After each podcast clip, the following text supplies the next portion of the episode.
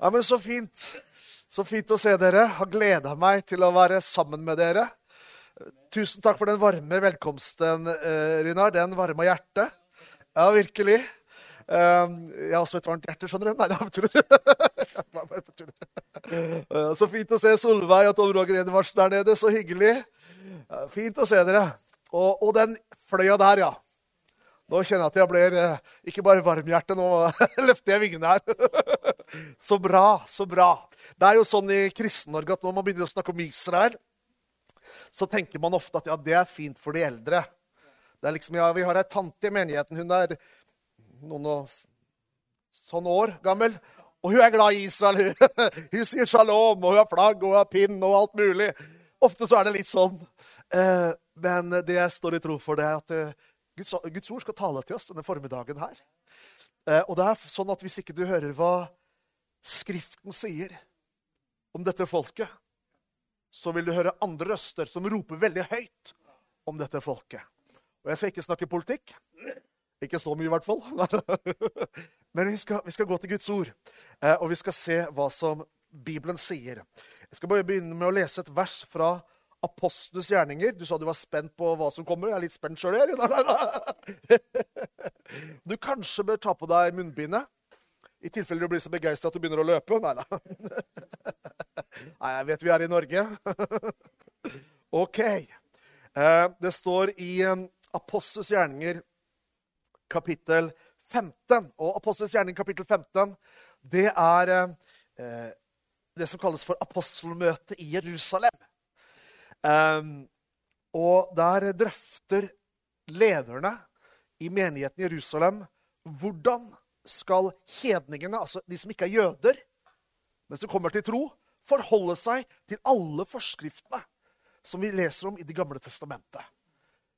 Uh, og da bare legger jeg inn her Jeg har sjøl møtt på gode Israelsvenner som drar av gårde på det området her. Fordi man, man Jeg skal bare prøve å forklare. Man gjør det jødiske til noe eksklusivt noe.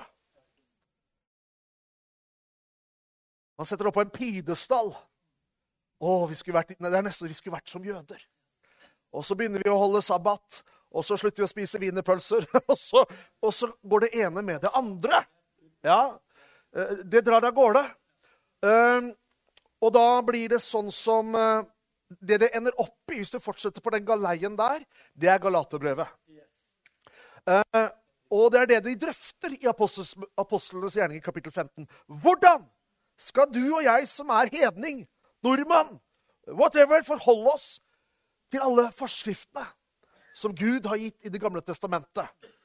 Og konklusjonen kommer. Hold seg bort fra hor, det som er kvalt, og blod, og le vel.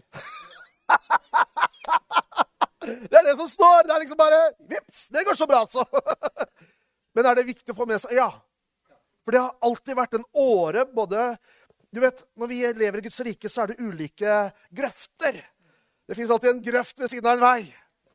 Og ofte så er menigheten Ikke ofte, men, men, men man kan dras mot verdslighet. Og sekularisering er ikke så farlig. Ah, Jesus har tilgitt mine synd, det gjør som jeg vil. Nei. Og den andre grøfta, det er religiøsitet. Ikke sant? Så, så, så, er man i det spennet der. Og det fins en åre som går på dette med, med, med, å gjøre akkurat det jeg snakker om nå, at man går inn i det loviske med et godt syn til det jødiske folket. Og det er en vranglære, tror jeg. Og jeg har til og med møtt kristne, eller jeg har hørt om kristne, ikke møtt, jeg har hørt om kristne som har latt seg omskjære for å bli som jøder. Og, og, og grunntanken er man gjør det jødiske til noe eksklusivt. Mens Guds tanke er akkurat stikk motsatt. For i deg skal alle slekter på jorden blir velsignet. Det er inkluderende. Du er inkludert. Du bør ikke snakke hebraisk for å være på vei til himmelen, vet du. Shalom by the way. Nei, men det er bare å si et lite ord til innledning her. og det er det de drøfter i Apostels hjerne kapittel 15. Og det ble skjellsettende på hvordan hedningene skal forholde seg til disse aspektene. Ehm, så i Apostelgjerningen kapittel 15 så leser vi fra vers 13. Da de var ferdige med å tale, grep Jakob ordet og sa:" Brødre, hør på meg. Simeon har forklart hvordan Gud for lenge siden sørget for å vinne seg et folk av hedninger for sitt navn.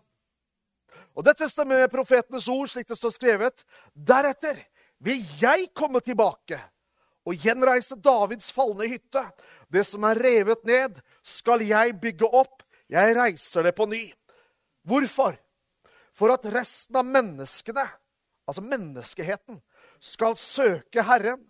Alle folkeslag som navnet mitt er nevnt over. Så sier Herren, han som gjør dette kjent fra evighet av. Her leser vi jo ulike ting. Det står om Davids falne hytte, som han skal gjenopprette. Og så står det at alle nasjoner, alle mennesker, skal søke Gud. Og det er litt sånn herlig, for det er akkurat det Gud sier til Abraham. I deg skal alle familier, alle slekter på jorden, bli velsignet. Så dette folket, det har noe med himmelen å gjøre, det har noe med Gud å gjøre, og det har noe med hele verden å gjøre. Og det Vi leste i innledningen her, i begynnelsen her, vers 14. Simeon har forklart hvordan Gud for lenge siden sørget for å vinne seg et folk av hedninger for sitt navn. I en annen oversettelse står det 'for sitt navns skyld'. Og Hvilket folk er det han snakker om her? I hvert fall ikke svenskene. Tyvärr! Tyvärr! Nei, jeg bare tuller. Han snakker om det jødiske folk. Han besøkte hedningene. Og ut fra en hedning, en, en som levde i Ur i Kaldea, i Irak, en mann som het Abram Ut fra den mannen så tok han seg ut et folk. Og vet du hva? Det er ganske kult. I dag, ca. 4000 år senere, så er du en sønn og en datter av Abraham. Fordi trons, han ble en troens far.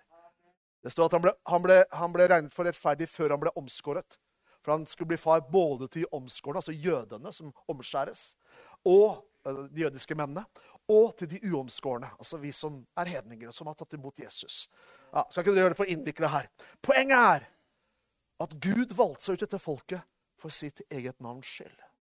Og da går vi rett i kjernen av hva dette med Israel handler om. Eh, for det er så lett å dra av gårde på ulike fløyer, for det er så stort og vidt tema. Navnet Israel er nevnt nesten 2500 ganger i Bibelen. Det er klart at Her har du mange vinklinger du kan kjøre på med. Og det er litt rart. Og det er ingen anklage, i det jeg sier nå, men det er litt rart at Bibelen sier så mye. Verden sier veldig mye om Israel. Ja, Hva mener dere da? Jo, i FN så blir Israel mer fordømt enn resten av verden til sammen. Det er litt underlig. Bibelen sier veldig mye. Verden sier veldig mye. Men Kirken sier ofte veldig lite. Det er litt underlig. Og det er med at troen kommer av forkynnelsen. Derfor må vi preke om det for at vi skal tro det og forstå det. Det er ingen anklage i det. Jeg er bare litt sinna. Nei da, nei da. Skal vi se her. Så har jeg en liten powerpoint i all ydmykhet. Skal vi se er det, Du får bare hjelpe meg, du, du som er sjefskoordinator der. Vi løfter blikket oppover der, ja. um, kommer nok, så. Ja, ja, fantastisk. Vet du hva? To sekunder med han, alt funker. OK. Og jeg skal ta helt konkret så skal jeg snakke om byen Jerusalem. Og det er liksom What? Vil snakke om New York, da. Den minste. Men jeg vil, skal, jeg, vil, jeg vil, gjøre det her for å forklare deg. For, at, for deg og meg som er menighetsaktiv Jeg gikk livet mitt til å være med å bygge menighet. Jeg er snart 50 år. Og i ni, ja, ni måneder før jeg ble født, så var jeg fullt Nei da, det, var, det, ikke, det er ikke helt riktig. Men jeg vokste opp i et Faren min er pastor, så jeg er pastorisert. Eh, jeg har gått på møter hele mitt liv. Eh, første gangen jeg gikk, så gjorde jeg det i benkeraden. Og da ønska jeg folk velkommen, for det hadde jeg jo sett pappa gjøre. så jeg gikk og så folk velkommen. Eh, og før det så lå jeg bak i barnevogna. Og mora mi hun, hun er ikke sånn som meg, sånn høylytt. Og, så hun er litt sånn beskjeden. Så når jeg lå bak i barnevogna der, så, og pappa prekte Han er like høylytt som meg. Fem desibel over, faktisk.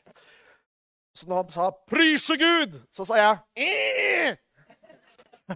Og da, tok mora mi og kjørte meg ut på kjøkkenet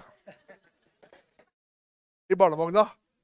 Og da var det en av de eldre tantene i menigheten. Liksom disse litt myndige søstrene. Jeg vet ikke om hun var enslig. I hvert fall så sa hvert, i hvert fall I hvert fall, i hvert fall så sa hun til mora mi Du må ikke ta et gutten av møte. Han skal bli prest. Ja, greit. Så jeg er pastorisert. Og jeg elsker den lokale menighet. Jeg elsker å få lov til å, Det er Guds nåde å få lov til å være med å bygge noe som er større enn en sjøl. Wow, som handler om mer enn min navle, noe så kjedelig.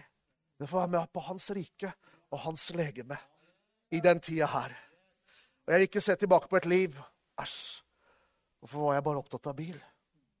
Alle, alle bilene er jo rusta nå. Ikke sant? Hvorfor var jeg opptatt av bare hytte? Wow!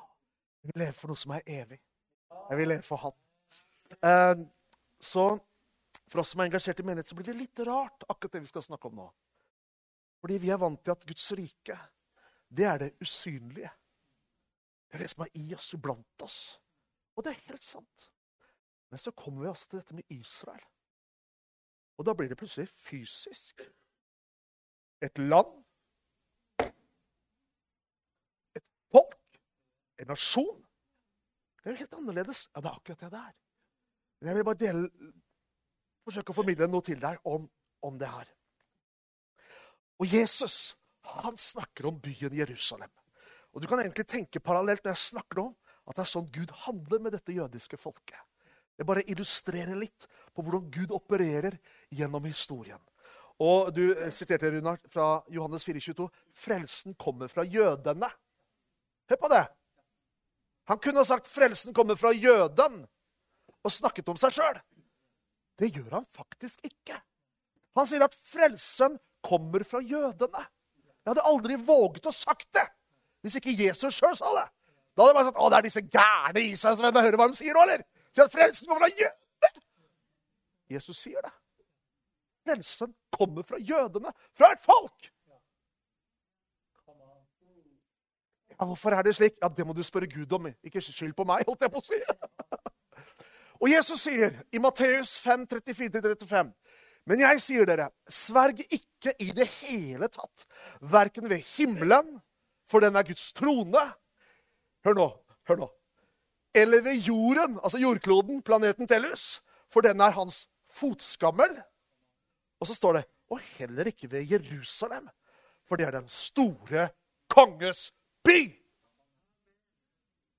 Jeg var vel ikke så streng når han sa det. Jo, det tror jeg. Men er ikke det litt rart, folkens? Er ikke det litt rart at jordkloden ja, det er Guds fotskammel? Det som han legger beina på. Kanskje du har det hjemme i stua? Det er liksom ikke 'Å, fotskammelen min', ja. Nei, liksom, du bare legger beina på der. Det er litt rart. Mens den byen som vi snakker om her, Jerusalem, fysisk, det er den store konges by. Og hva er det med denne byen, og hva er det også med dette folket? Og jeg må bare legge til her, siden jeg har så mye på hjertet Det er ikke sånn at Gud elsker jødene mer enn noe andre folk. Det er ikke sånn at jødene er bedre enn andre folk. Det er ikke sånn at Gud er glad i jødene, mens muslimer eller arabere eller palestinere eller Hamas-medlemmer de, Nei, nei, nei. nei. Gud elsker alle mennesker like høyt. Jeg kan jo få et lite amen på det. For det betyr at du og jeg er inkludert. Så det handler ikke om det, det, er ikke på det planet der. Men jødene er utvalgt på en måte som det ikke er tilfellet med noe annet folk i verden. Deres, etnis, deres etnisitet, deres nasjonalitet som et folk, så har Gud opprettet dem. Hvorfor det? Fordi han bruker dem i sin plan og sin vilje. Han bruker dem når de er lydige i historien, og han bruker dem når de er ulydige. Wow. Det er nesten som et mysterium ved deres fall, det at de fornektet Jesus som Messias, har hedningene fått frelse. Hvorfor det? Han gjør som han vil. Han er suveren. Wow! Fantastisk. Hvilken herlig, god Gud vi har. Så Jesus sier, 'Ikke sverg ved Jerusalem', fordi det er den store kongesbyen. Det er ikke budskapet at du ikke skal sverge eller sverge der, men poenget er at det er hans by. I første Mosebok Nå går vi riktig langt tilbake. Det er, det er litt utrolig at når vi går tilbake til Abraham, så liksom halvveis tilbake i historien Det er Jesus. Det er, liksom, det er mange år sia. Tenk deg for 200 år sia. Det er jo kjempelenge sia. Men det er liksom det er 4000 år tilbake. Så griper Gud inn i historien for å redde deg og meg, for å redde menneskeheten. Og Da sier Gud til Abraham i 1. Mosebok 22,1 Da sa han, altså Gud sa, ta nå din sønn, din enbårne sønn Isak, som du elsker, og dra til Morialandet. Der skal du bære ham fram som et brennoffer på et av fjellene jeg skal si deg. Jeg vet ikke om du kjenner storyen, jeg har ikke tid til å gå inn i den nå, men Abraham drar av sted. Han lesser opp eslene, tar med seg noen tjenere, har noen esler ja, Det var det var akkurat det jeg sa. Og så legger han av gårde. Isak var troligvis rundt tolv år gammel. Og, og så spør Isak, 'Pappa, vi har det som behøves for å gjøre et offer i stand her.' 'Men hvor er offeret, pappa?' Wow. Lurer på hva Abraham tenkte inni seg da. Og så var jeg på det Isak, kjære gutten min, som jeg elsker. Og Så drar de av gårde. Og så kommer de fram til foten av fjellet. Der må tjenerne være igjen. Eslene blir satt til side, eller stå, må stå igjen. Og så tar Abraham som pappa med seg Isak opp på fjellet. Og så gjør de i stand et offeralter. En sonoffer. Eller et offer. Og så, og så står det i Skriften at Abraham løftet kniven. Egentlig veldig brutalt. Men så griper Gud inn. Så står det Men Herrens engel ropte til ham fra himmelen. Og så sier Gud at så sier, eh, sier Skriften at Gud, eller englene sier at Gud har utsatt et annet offer. Det et annet offer. Og så står det i vers 13 Akkurat idet Gud griper inn, så står det Da løftet Abraham blikket og så. Og se Det er litt rart her. Da løftet Abraham blikket, og han så. Og se, bak ham var det en vær som satt fast i krattet med hornet. Så gikk Abraham bort og tok væren, og han ofret den som brennofferet i stedet for sin sønn. Vet du hva Jesus sier? Han sier, og jeg tror at når Jesus sier det jeg skal sitere nå, så tror jeg han henviser til akkurat den hendelsen her. Jeg vet ikke, det er jeg som presser litt på her. Jeg påstår det ikke, men jeg tror det. For der står det i Johannes 8,56, så sier Jesus Deres far Abraham frydet seg over å se min dag. Og han så den, og han gledet seg. Og hva var det Abraham så? Der på Moria, Jeg tror det var på Moriaberget han fikk den åpenbaringen. Jeg påstår det ikke, men jeg skal snakke med han en dag. Og jeg kan hilse fra deg og si at du lurer på det, du også. Nei, du kan snakke med han sjæl. Og hvis du kommer før, så er hilsen fra meg. Poenget er hva handler dette om? Hva handler det her om? Handler det om bare et land? Handler det bare om politikk? Hva handler det om? Det handler om Guds plan. Guds verk. Guds frelsesverk. For hele menneskeheten. Det er det det handler om.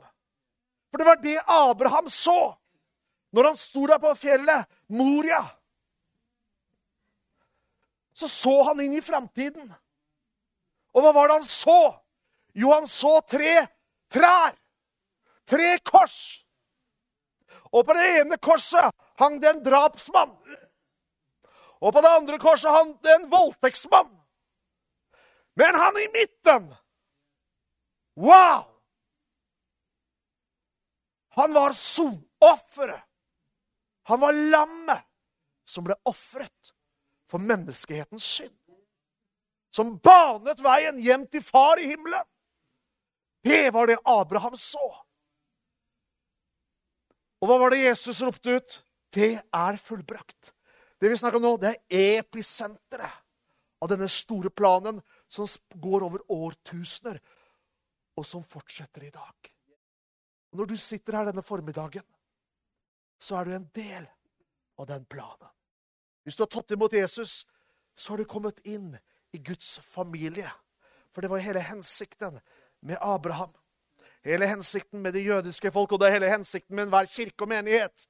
Det er at Gud for evigheten vil ta et folk, vil ta sine barn tilbake igjen etter syndefallet. Mens vi alle var fortapte på vei til helvete, så ville Gud gripe inn for å redde oss tilbake til Han. Og han gjør hva han vil. Han gjør det slik han vil, og han gjør det når han vil. For han er underfull i alt hva han gjør. Han er fullkommen i alt hva han gjør. Så det han gjør, det blir gjennomført. Ja, Hvorfor drar du det inn, det her? Hva har dette med det vi snakker å gjøre om nå? Jo, fordi det er Moriaberget som, som Gud tok Abraham til. Vet du hvor det ligger hen? Det ligger ikke i Østfold. Det er for flott! Moriaberget ligger midt i Jerusalem. Og det er jo selvfølgelig ingen tilfeldighet, men det er plassen som Gud har utvalgt for det området, eller den, den byen, hvor han gjør alle de store frelseshistoriske hendelsene. Wow! Byen Jerusalem. Og så kan du sitte Jeg liker ikke israelsk politikk, jeg. Nå holdt jeg på å si noe dumt. Hvem bryr seg om det? og du og jeg mener om det. Gud gjør som han vil. Han gjør som han vil.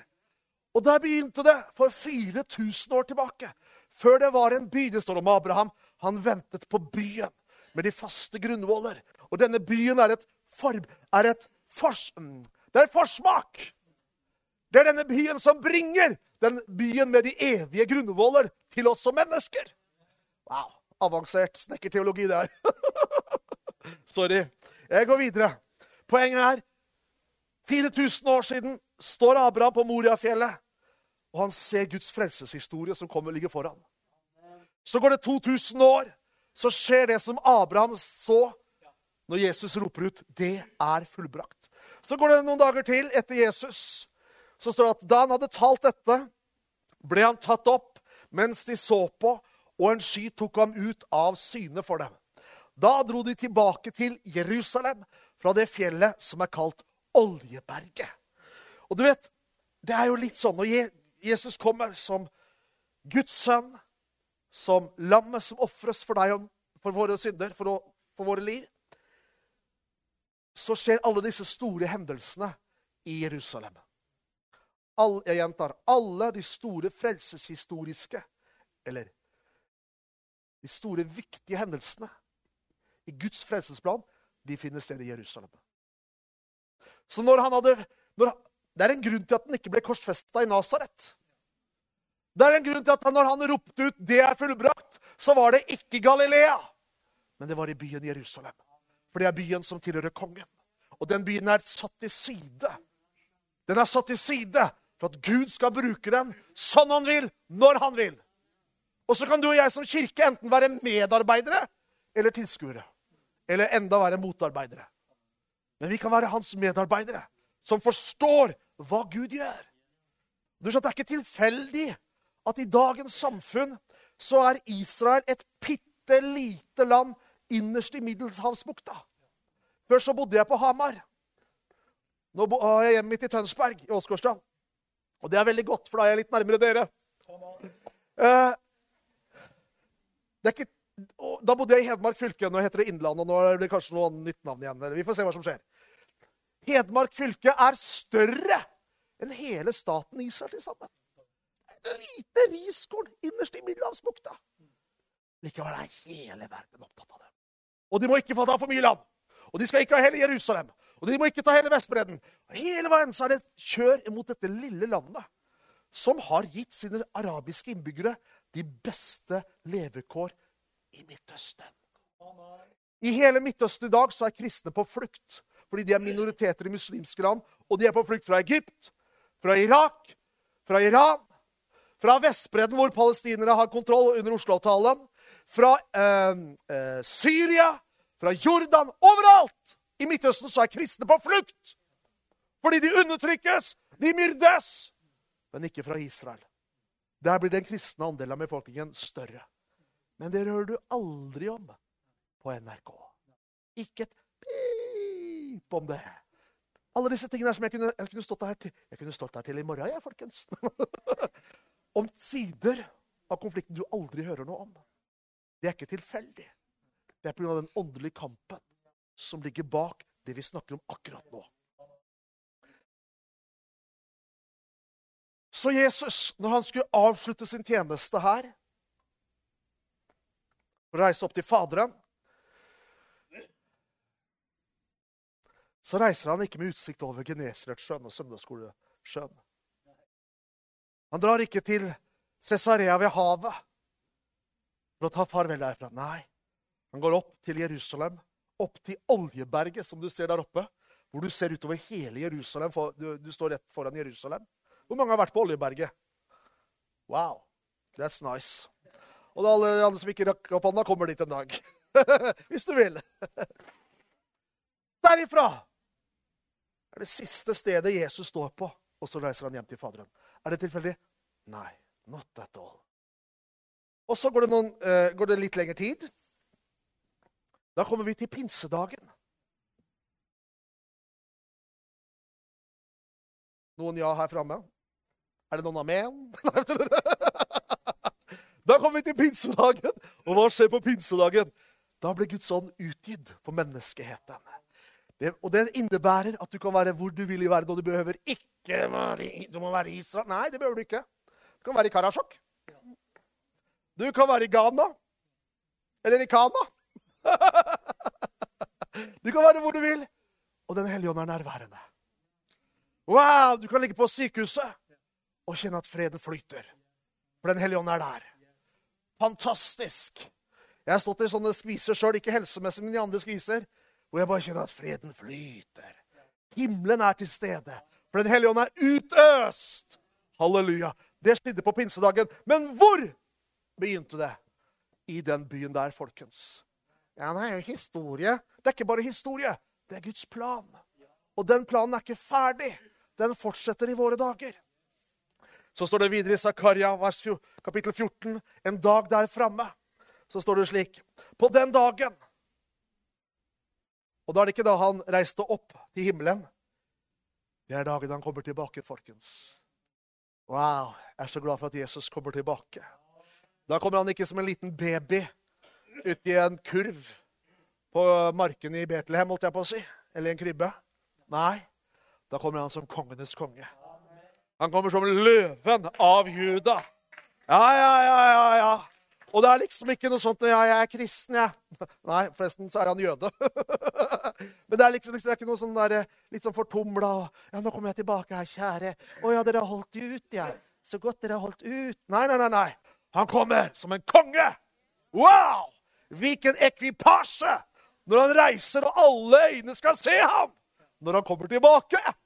Det er en grunn til at når jeg sitter og ser på politikere og Iran og Hamas som sier at de skal utslette jødene og Israel, så blir ikke jeg 'Å, skal dere det, dere?' Jeg bare sier 'Wow, stakkars dere'. Ja, Mener du det? Ja, det mener jeg.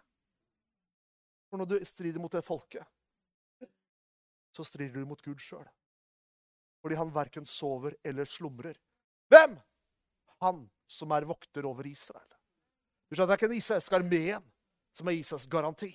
Det er himmelen som er Israels garanti. Ja, Er du enig i alt de gjør, da? Jeg er ikke enig i alt jeg gjør sjøl engang. Håpelig spørsmål! Ja, Men støtter du alt jødene gjør? Jeg støtter ikke alt kirka mi gjør engang! Tull og tøys! Lei av det der! Er du sinna? Ja! Jeg bare tuller litt. Ok. Så det handler ikke om det. Det handler om at Gud har utvalgt dem i sin plan, etter sitt råd, etter hans vilje. Og han gjør med den sånn som han vil sjøl. Og det er bare tull at vi som kristne er ikke så enig i hva Gud gjør, egentlig. Hvem har spurt deg? Nei da. Jeg bare, jeg bare hoverer litt. Er det greit, eller? tåler litt galskap av meg, som Paulus sa. Det er ikke meningen. Du er så nydelig og vakker der du sitter. Du er så god og Du er broren min, og du er søstera mi! OK. Men han kommer tilbake en dag, og han setter sitt, sine føtter på Oljeberget i Jerusalem. Hva mer sier Skriften om denne byen? Det i Johannes' åpenbaring, vers 20. Så står det Når så de tusen år er omme Mange av oss tror på noe som heter tusenårsriket, eller vi kaller det for tusenårsriket, hvor djevelen er bundet, og hvor det blir fred i verden. Så står det Når så de tusen år er omme, skal Satans, Satan slippes fri fra sitt fengsel og han skal gå ut for å forføre folkeslagene som er ved de fire verdenshjørnene, Gog og Magog, for å samle dem sammen til strid. Tallet på dem er som havets sand. De dro opp på jordens høyslette og omringet de helliges leir og den elskede byen. Jeg leser en gang til. Og de dro opp på jordens høyslette, omringet de helliges leir og den elskede byen. Det er altså ikke Tønsberg eller Skien men det er byen Jerusalem. I Bibels kontekst så er det byen Jerusalem. Og så står det Og ild falt ned fra Gud, fra himmelen, og fortærte dem. Djevelen som forførte dem, ble, nå, ble kastet i sjøen med ild og svovel, der dyret og den falske profeten er. Og de skal pines dag og natt i all evighet. Og alt folket sa. I hvert fall djevelen når han pines. Vers 11. Deretter så jeg en stor, hvit trone og ham som satt på den. Jorden og himmelen flyktet for hans åsyn, og det ble ikke funnet noe sted for dem. Hva er poenget her? Jo, poenget her at selv i den grande finalen, selv i selve avslutningen For, for, for mange kristne erkjenner at Gud har handlet med jødene før. De erkjenner at Jesus var jøde. Men han er ikke det nå lenger, vil noen si. Selv om Skriften sier at han er Isais, David Isais rotskudd. Det betyr at han er av jødisk slekt fortsatt. kan vi snakke om en annen gang. Men selv i den store avslutningen så er hendelsen knyttet til byen Jerusalem. På samme måte er dette folket knyttet til Guds verk, Guds planer, i denne tiden. Og hvis vi, som jeg gjentar, for gjenta det jeg sa hvis ikke vi forstår hva Skriften sier, hvis vi ikke hører hva Guds ord sier, så vil det være helt andre stemmer som roper veldig høyt om hva dette folket er og gjør, osv. Og, og da vil du ha Da får du feil briller når du skal se på dette landet og dette folket. Det er en organisasjon her i Norge som heter LO. Landsorganisasjonen. De har nesten en million si, innbyggere. Det har de ikke. Medlemmer. De har vedtatt ensidig, kulturell, akademisk og full boikott av Israel. Det landet som er det eneste demokrati i hele Midtøsten. Det eneste stedet hvor en muslim kan oppleve pressefrihet, trosfrihet, ytringsfrihet eh, eller en kristen. Det eneste stedet han kan oppleve det i hele Midtøsten-regionen, Nord-Afrika, det er som statsborger i Israel. Likevel så er det det landet som f.eks. LO vil boikotte. Og det er ikke mitt poeng LO eller ikke, men det bare illustrerer hvordan dette lille folket, lille landet, henges ut til spott og forakt og, for, å, for, å, for, å, forsøke å ødelegge dem. I ayatollahene i Iran, prestestyret i Iran, de uttaler offentlig vi skal utslette Israel. Og de gjør hva de kan for å utvikle atomvåpen. Det er ikke de LO vil boikotte. Det er ikke Kina som notorisk bryter menneskerettigheter, som LO vil boikotte. Det er ikke Russland som tråkker på menneskerettigheter LO vil boikotte. Nei, nei, nei, nei. Det er bare Israel! Og hva er det der for noe? Rasjonell politikk er det ikke. For hadde det vært rasjonell politikk der, så hadde de hatt 100 andre land å boikotte. Men det gjør de ikke. De snakker ikke om engang. Men hver gang når de, på 1. mai så går de med fakler. Holdt jeg på å si, Det gjør de ikke. De går med plakater. Og Det står 'Boikott Israel'. Wow! Hva er det for noe? Ja, De er jo litt, eh, litt ja, de, de har kanskje ikke så balansert syn. Nei, det handler ikke om det. Det handler om et hat. Mot dette folket og mot dette landet. Gud velsigne alle mennesker. Gud velsigne alle som er i LO også. Så det er ikke sånn at jeg trakasserer. Men jeg forsøker bare å illustrere hva dette her egentlig er for noe i løpet av to minutter. Akkurat denne, siden her, den konflikten som Israel står i. Mm. Så hva skjer? Wow, jeg har holdt på så lenge. Um, jeg skal snart slutte. Og da var det Dere vet jo det, jeg har tatt den før. Da var det guttungen som sa til mora si 'Mamma, hva betyr det når presten sier at jeg skal snart slutte? Ingenting.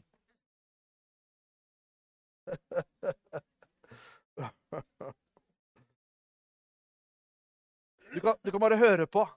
Og nå skal jeg prøve å oppsummere den neste halvtimen. Nei da. Jeg skal prøve å oppsummere hva som skjer i våre dager i dette landet. Eh, du kan bare høre på meg hvis ikke du er veldig kjapp med Bibelen. Esekiel 36 og vers 22 så står det sånn her.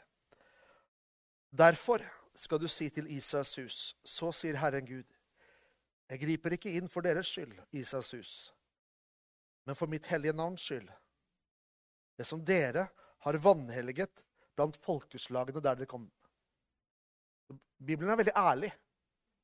Det er ikke sånn at det liksom bare snakker varmt om det folket. Nei, nei, det er ikke sånn helt tatt. Den er veldig ærlig og sann. Og det er lite adjektiver. Jesus gråt. Det står ikke noe mer. Det er liksom bare Sånn er det. Uh, og så står det videre Jeg vil helge mitt store navn, som er vanhelliget blant folkeslagene. Det som dere, står det, vanhelliget blant dem. Folkeslagene skal kjenne at jeg er Herren. Wow! folkeslagene skal kjenne at jeg er Herren. Du skjønner, Det er ikke bare at det er mange på et friluftsmøte. Det er ikke bare at det er tusener på korstog i Afrika. Men her står det at nasjonene skal kjenne at Gud er Gud. Det er noe annet enn et gjennombrudd i en by. Det er noe annet enn et gjennombrudd i en region. Det er at Gud åpenbarer seg. Da må du rope så høyt. Nei da det er at Gud åpenbarer seg. det er at Gud viser for verden hvem han er. Er du med? Det vi skal lese nå, handler om akkurat det. Han skal åpenbare seg for verden. Det har han allerede gjort i Kristus, så det ikke, handler ikke bare om det. Men det skal altså skje noe som gjør at nasjonene, presidenter, konger, statsministre regjeringsadvokater. De skal kjenne at Gud er Gud. Hva leser vi her? Jeg vil hellige mitt store navn, som er vanhelliget blant folkeslagene, det som dere vanhelliget iblant dem. Folkeslagene skal kjenne at jeg er Herren, sier Herren Gud, når jeg gjennom dere viser meg hellig for øynene på dem. Jeg henter dere fra folkeslagene og samler dere fra alle landene og fører dere hjem til deres eget land. Ja, Når skal det skje, da? Det skjer akkurat nå, det, kjære venner. Det har pågått i 150 år, det, folkens. Gud har henta dem hjem. Fra Afrika, fra Amerika, fra Nord-Europa, fra hele verden. Så henter Gud dem tilbake. Og det er ikke en kirkelig komité. Det er ikke en pave som sier ja, nå hentet noen jøder der. Mm, ja, nå hentet... Nei, det er ingen, Vi, vi kristne er med på det. Vi i den kristne ambassaden har vært med å hjelpe for hjemreisa til 164 000 jøder. Så vi får lov til å være med på det. Men det er han som har regien! Det fins ingen israeler som sitter og bestemmer ja, nå skal vi hente ut så mange der. Nei, det er Gud som beveger seg i sitt folk. Og så henter han dem tilbake igjen. Det har aldri skjedd før i historien, folkens. Ja, du snakker med store ord i dag. Store støvler òg. Unnskyld, jeg bare må bare Korona er over! Nesten! det har aldri skjedd i historien før med noen annen nasjon, noe annet folk, at de har blitt fordrevet, spredd utover blant mange land over hele verden, for så, etter 2000 år, komme tilbake igjen. Forget it. Det fins ikke maken i historien. Ikke etter 200 år engang. Ikke etter 100 år engang. Men etter 2000 år så det, skjer det som Bibelens profeter talte om. Moses sa det, Jesaja sa det, Jeremia sa det, Esekiel sa det, Amos sa det, Daniel sa det, og flere av de andre sa det også. Gud skal hente dem tilbake igjen til landet sitt. Og hvorfor gjør han det? Jo, for Gud skal åpenbare sin herlighet over dette folket. Jeg er ferdig med powerpointen, altså. Så står det videre her Jeg henter dere fra folkeslagene, det var det vi leste, samler dere fra alle landene og fører dere hjem til deres eget land. Jeg stenker rent vann på dere, så dere blir rene. Jeg renser dere fra all urenhet og fra alle avgudene. Jeg gir dere et nytt hjerte, og en ny ånd gir jeg inni dere. Jeg tar steinhjertet ut av kroppen deres og gir dere et kjøtthjerte i stedet. Jeg gir min ånd i dere og gjør at dere følger forskriftene mine, holder lovene og lever etter dem. Da skal dere få bo i det landet som jeg har gitt dere. Og Så skal jeg lese noen få vers fra Romerbrevet 11. Og nå skal jeg snart slutte. Eller la meg si det sånn, jeg er nærmere slutten nå enn i stad. Ikke du spille litt, kjære bror? Det er så fint når du spiller, vet du. Romerbrevet 11. I Romerbrevet 11, Romerbrevet 9, 10 og særlig 11 så underviser Paulus, apostelen, om det jødiske folket. Og han går grundig inn i hvordan jødene forkastet Jesus for at vi skulle bli frelst. Er ikke det rart, folkens? Er ikke det underlig? Det jødiske folket har levd uten sin frelser for at du skulle bli frelst. Det er nesten som et mysterium. Men det er det Skriften sier. Ved deres ulydighet har vi fått miskunnhet, står det. De bar fram Jesus som et sonoffer for dine og mine synder. Hvis det jeg nå sier, er sant, hvis det er sant at de gjorde det, da står jeg i gjeld til dem.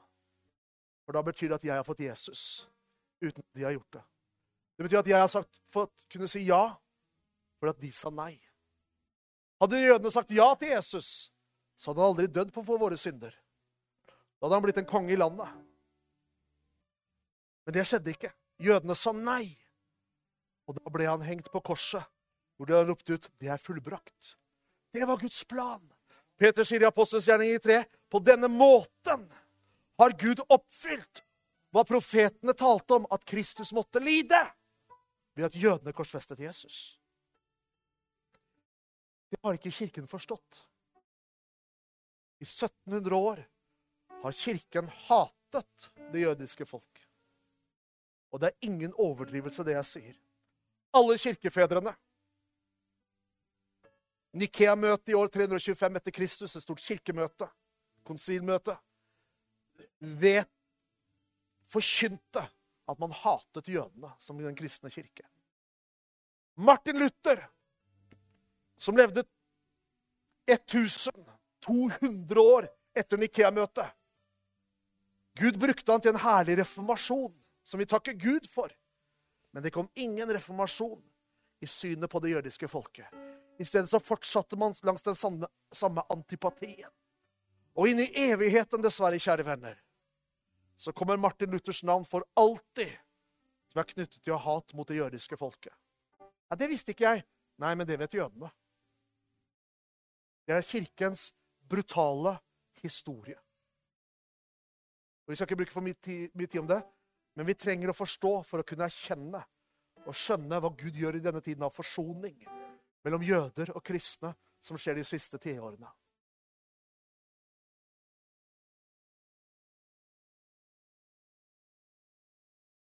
Så sier Paulus i Romerne 11, 25.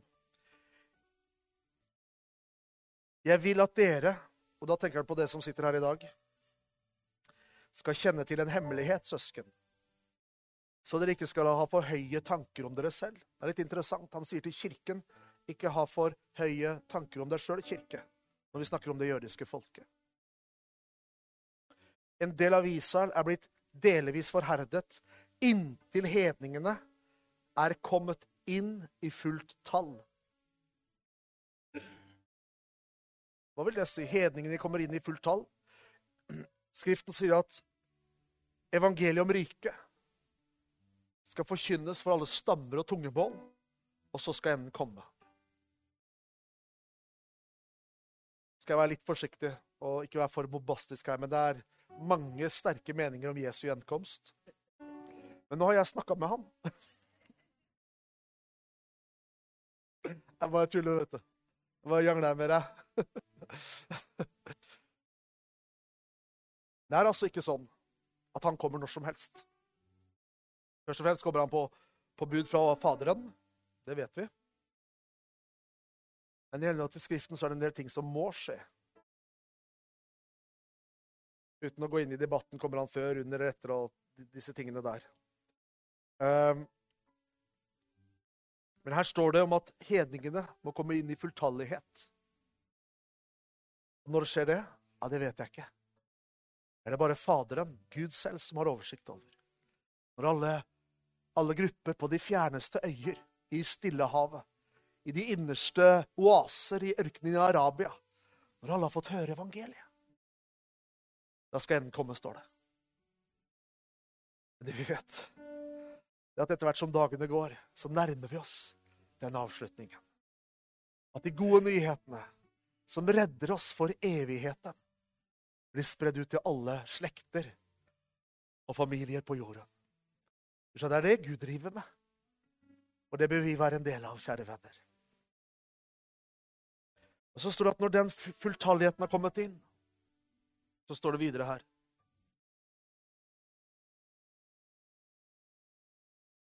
På denne måten skal hele Vers 26. På denne måten skal hele Israel bli frelst, står det.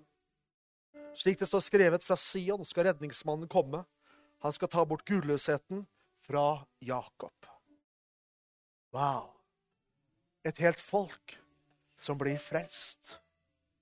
Det er det Paulus sier.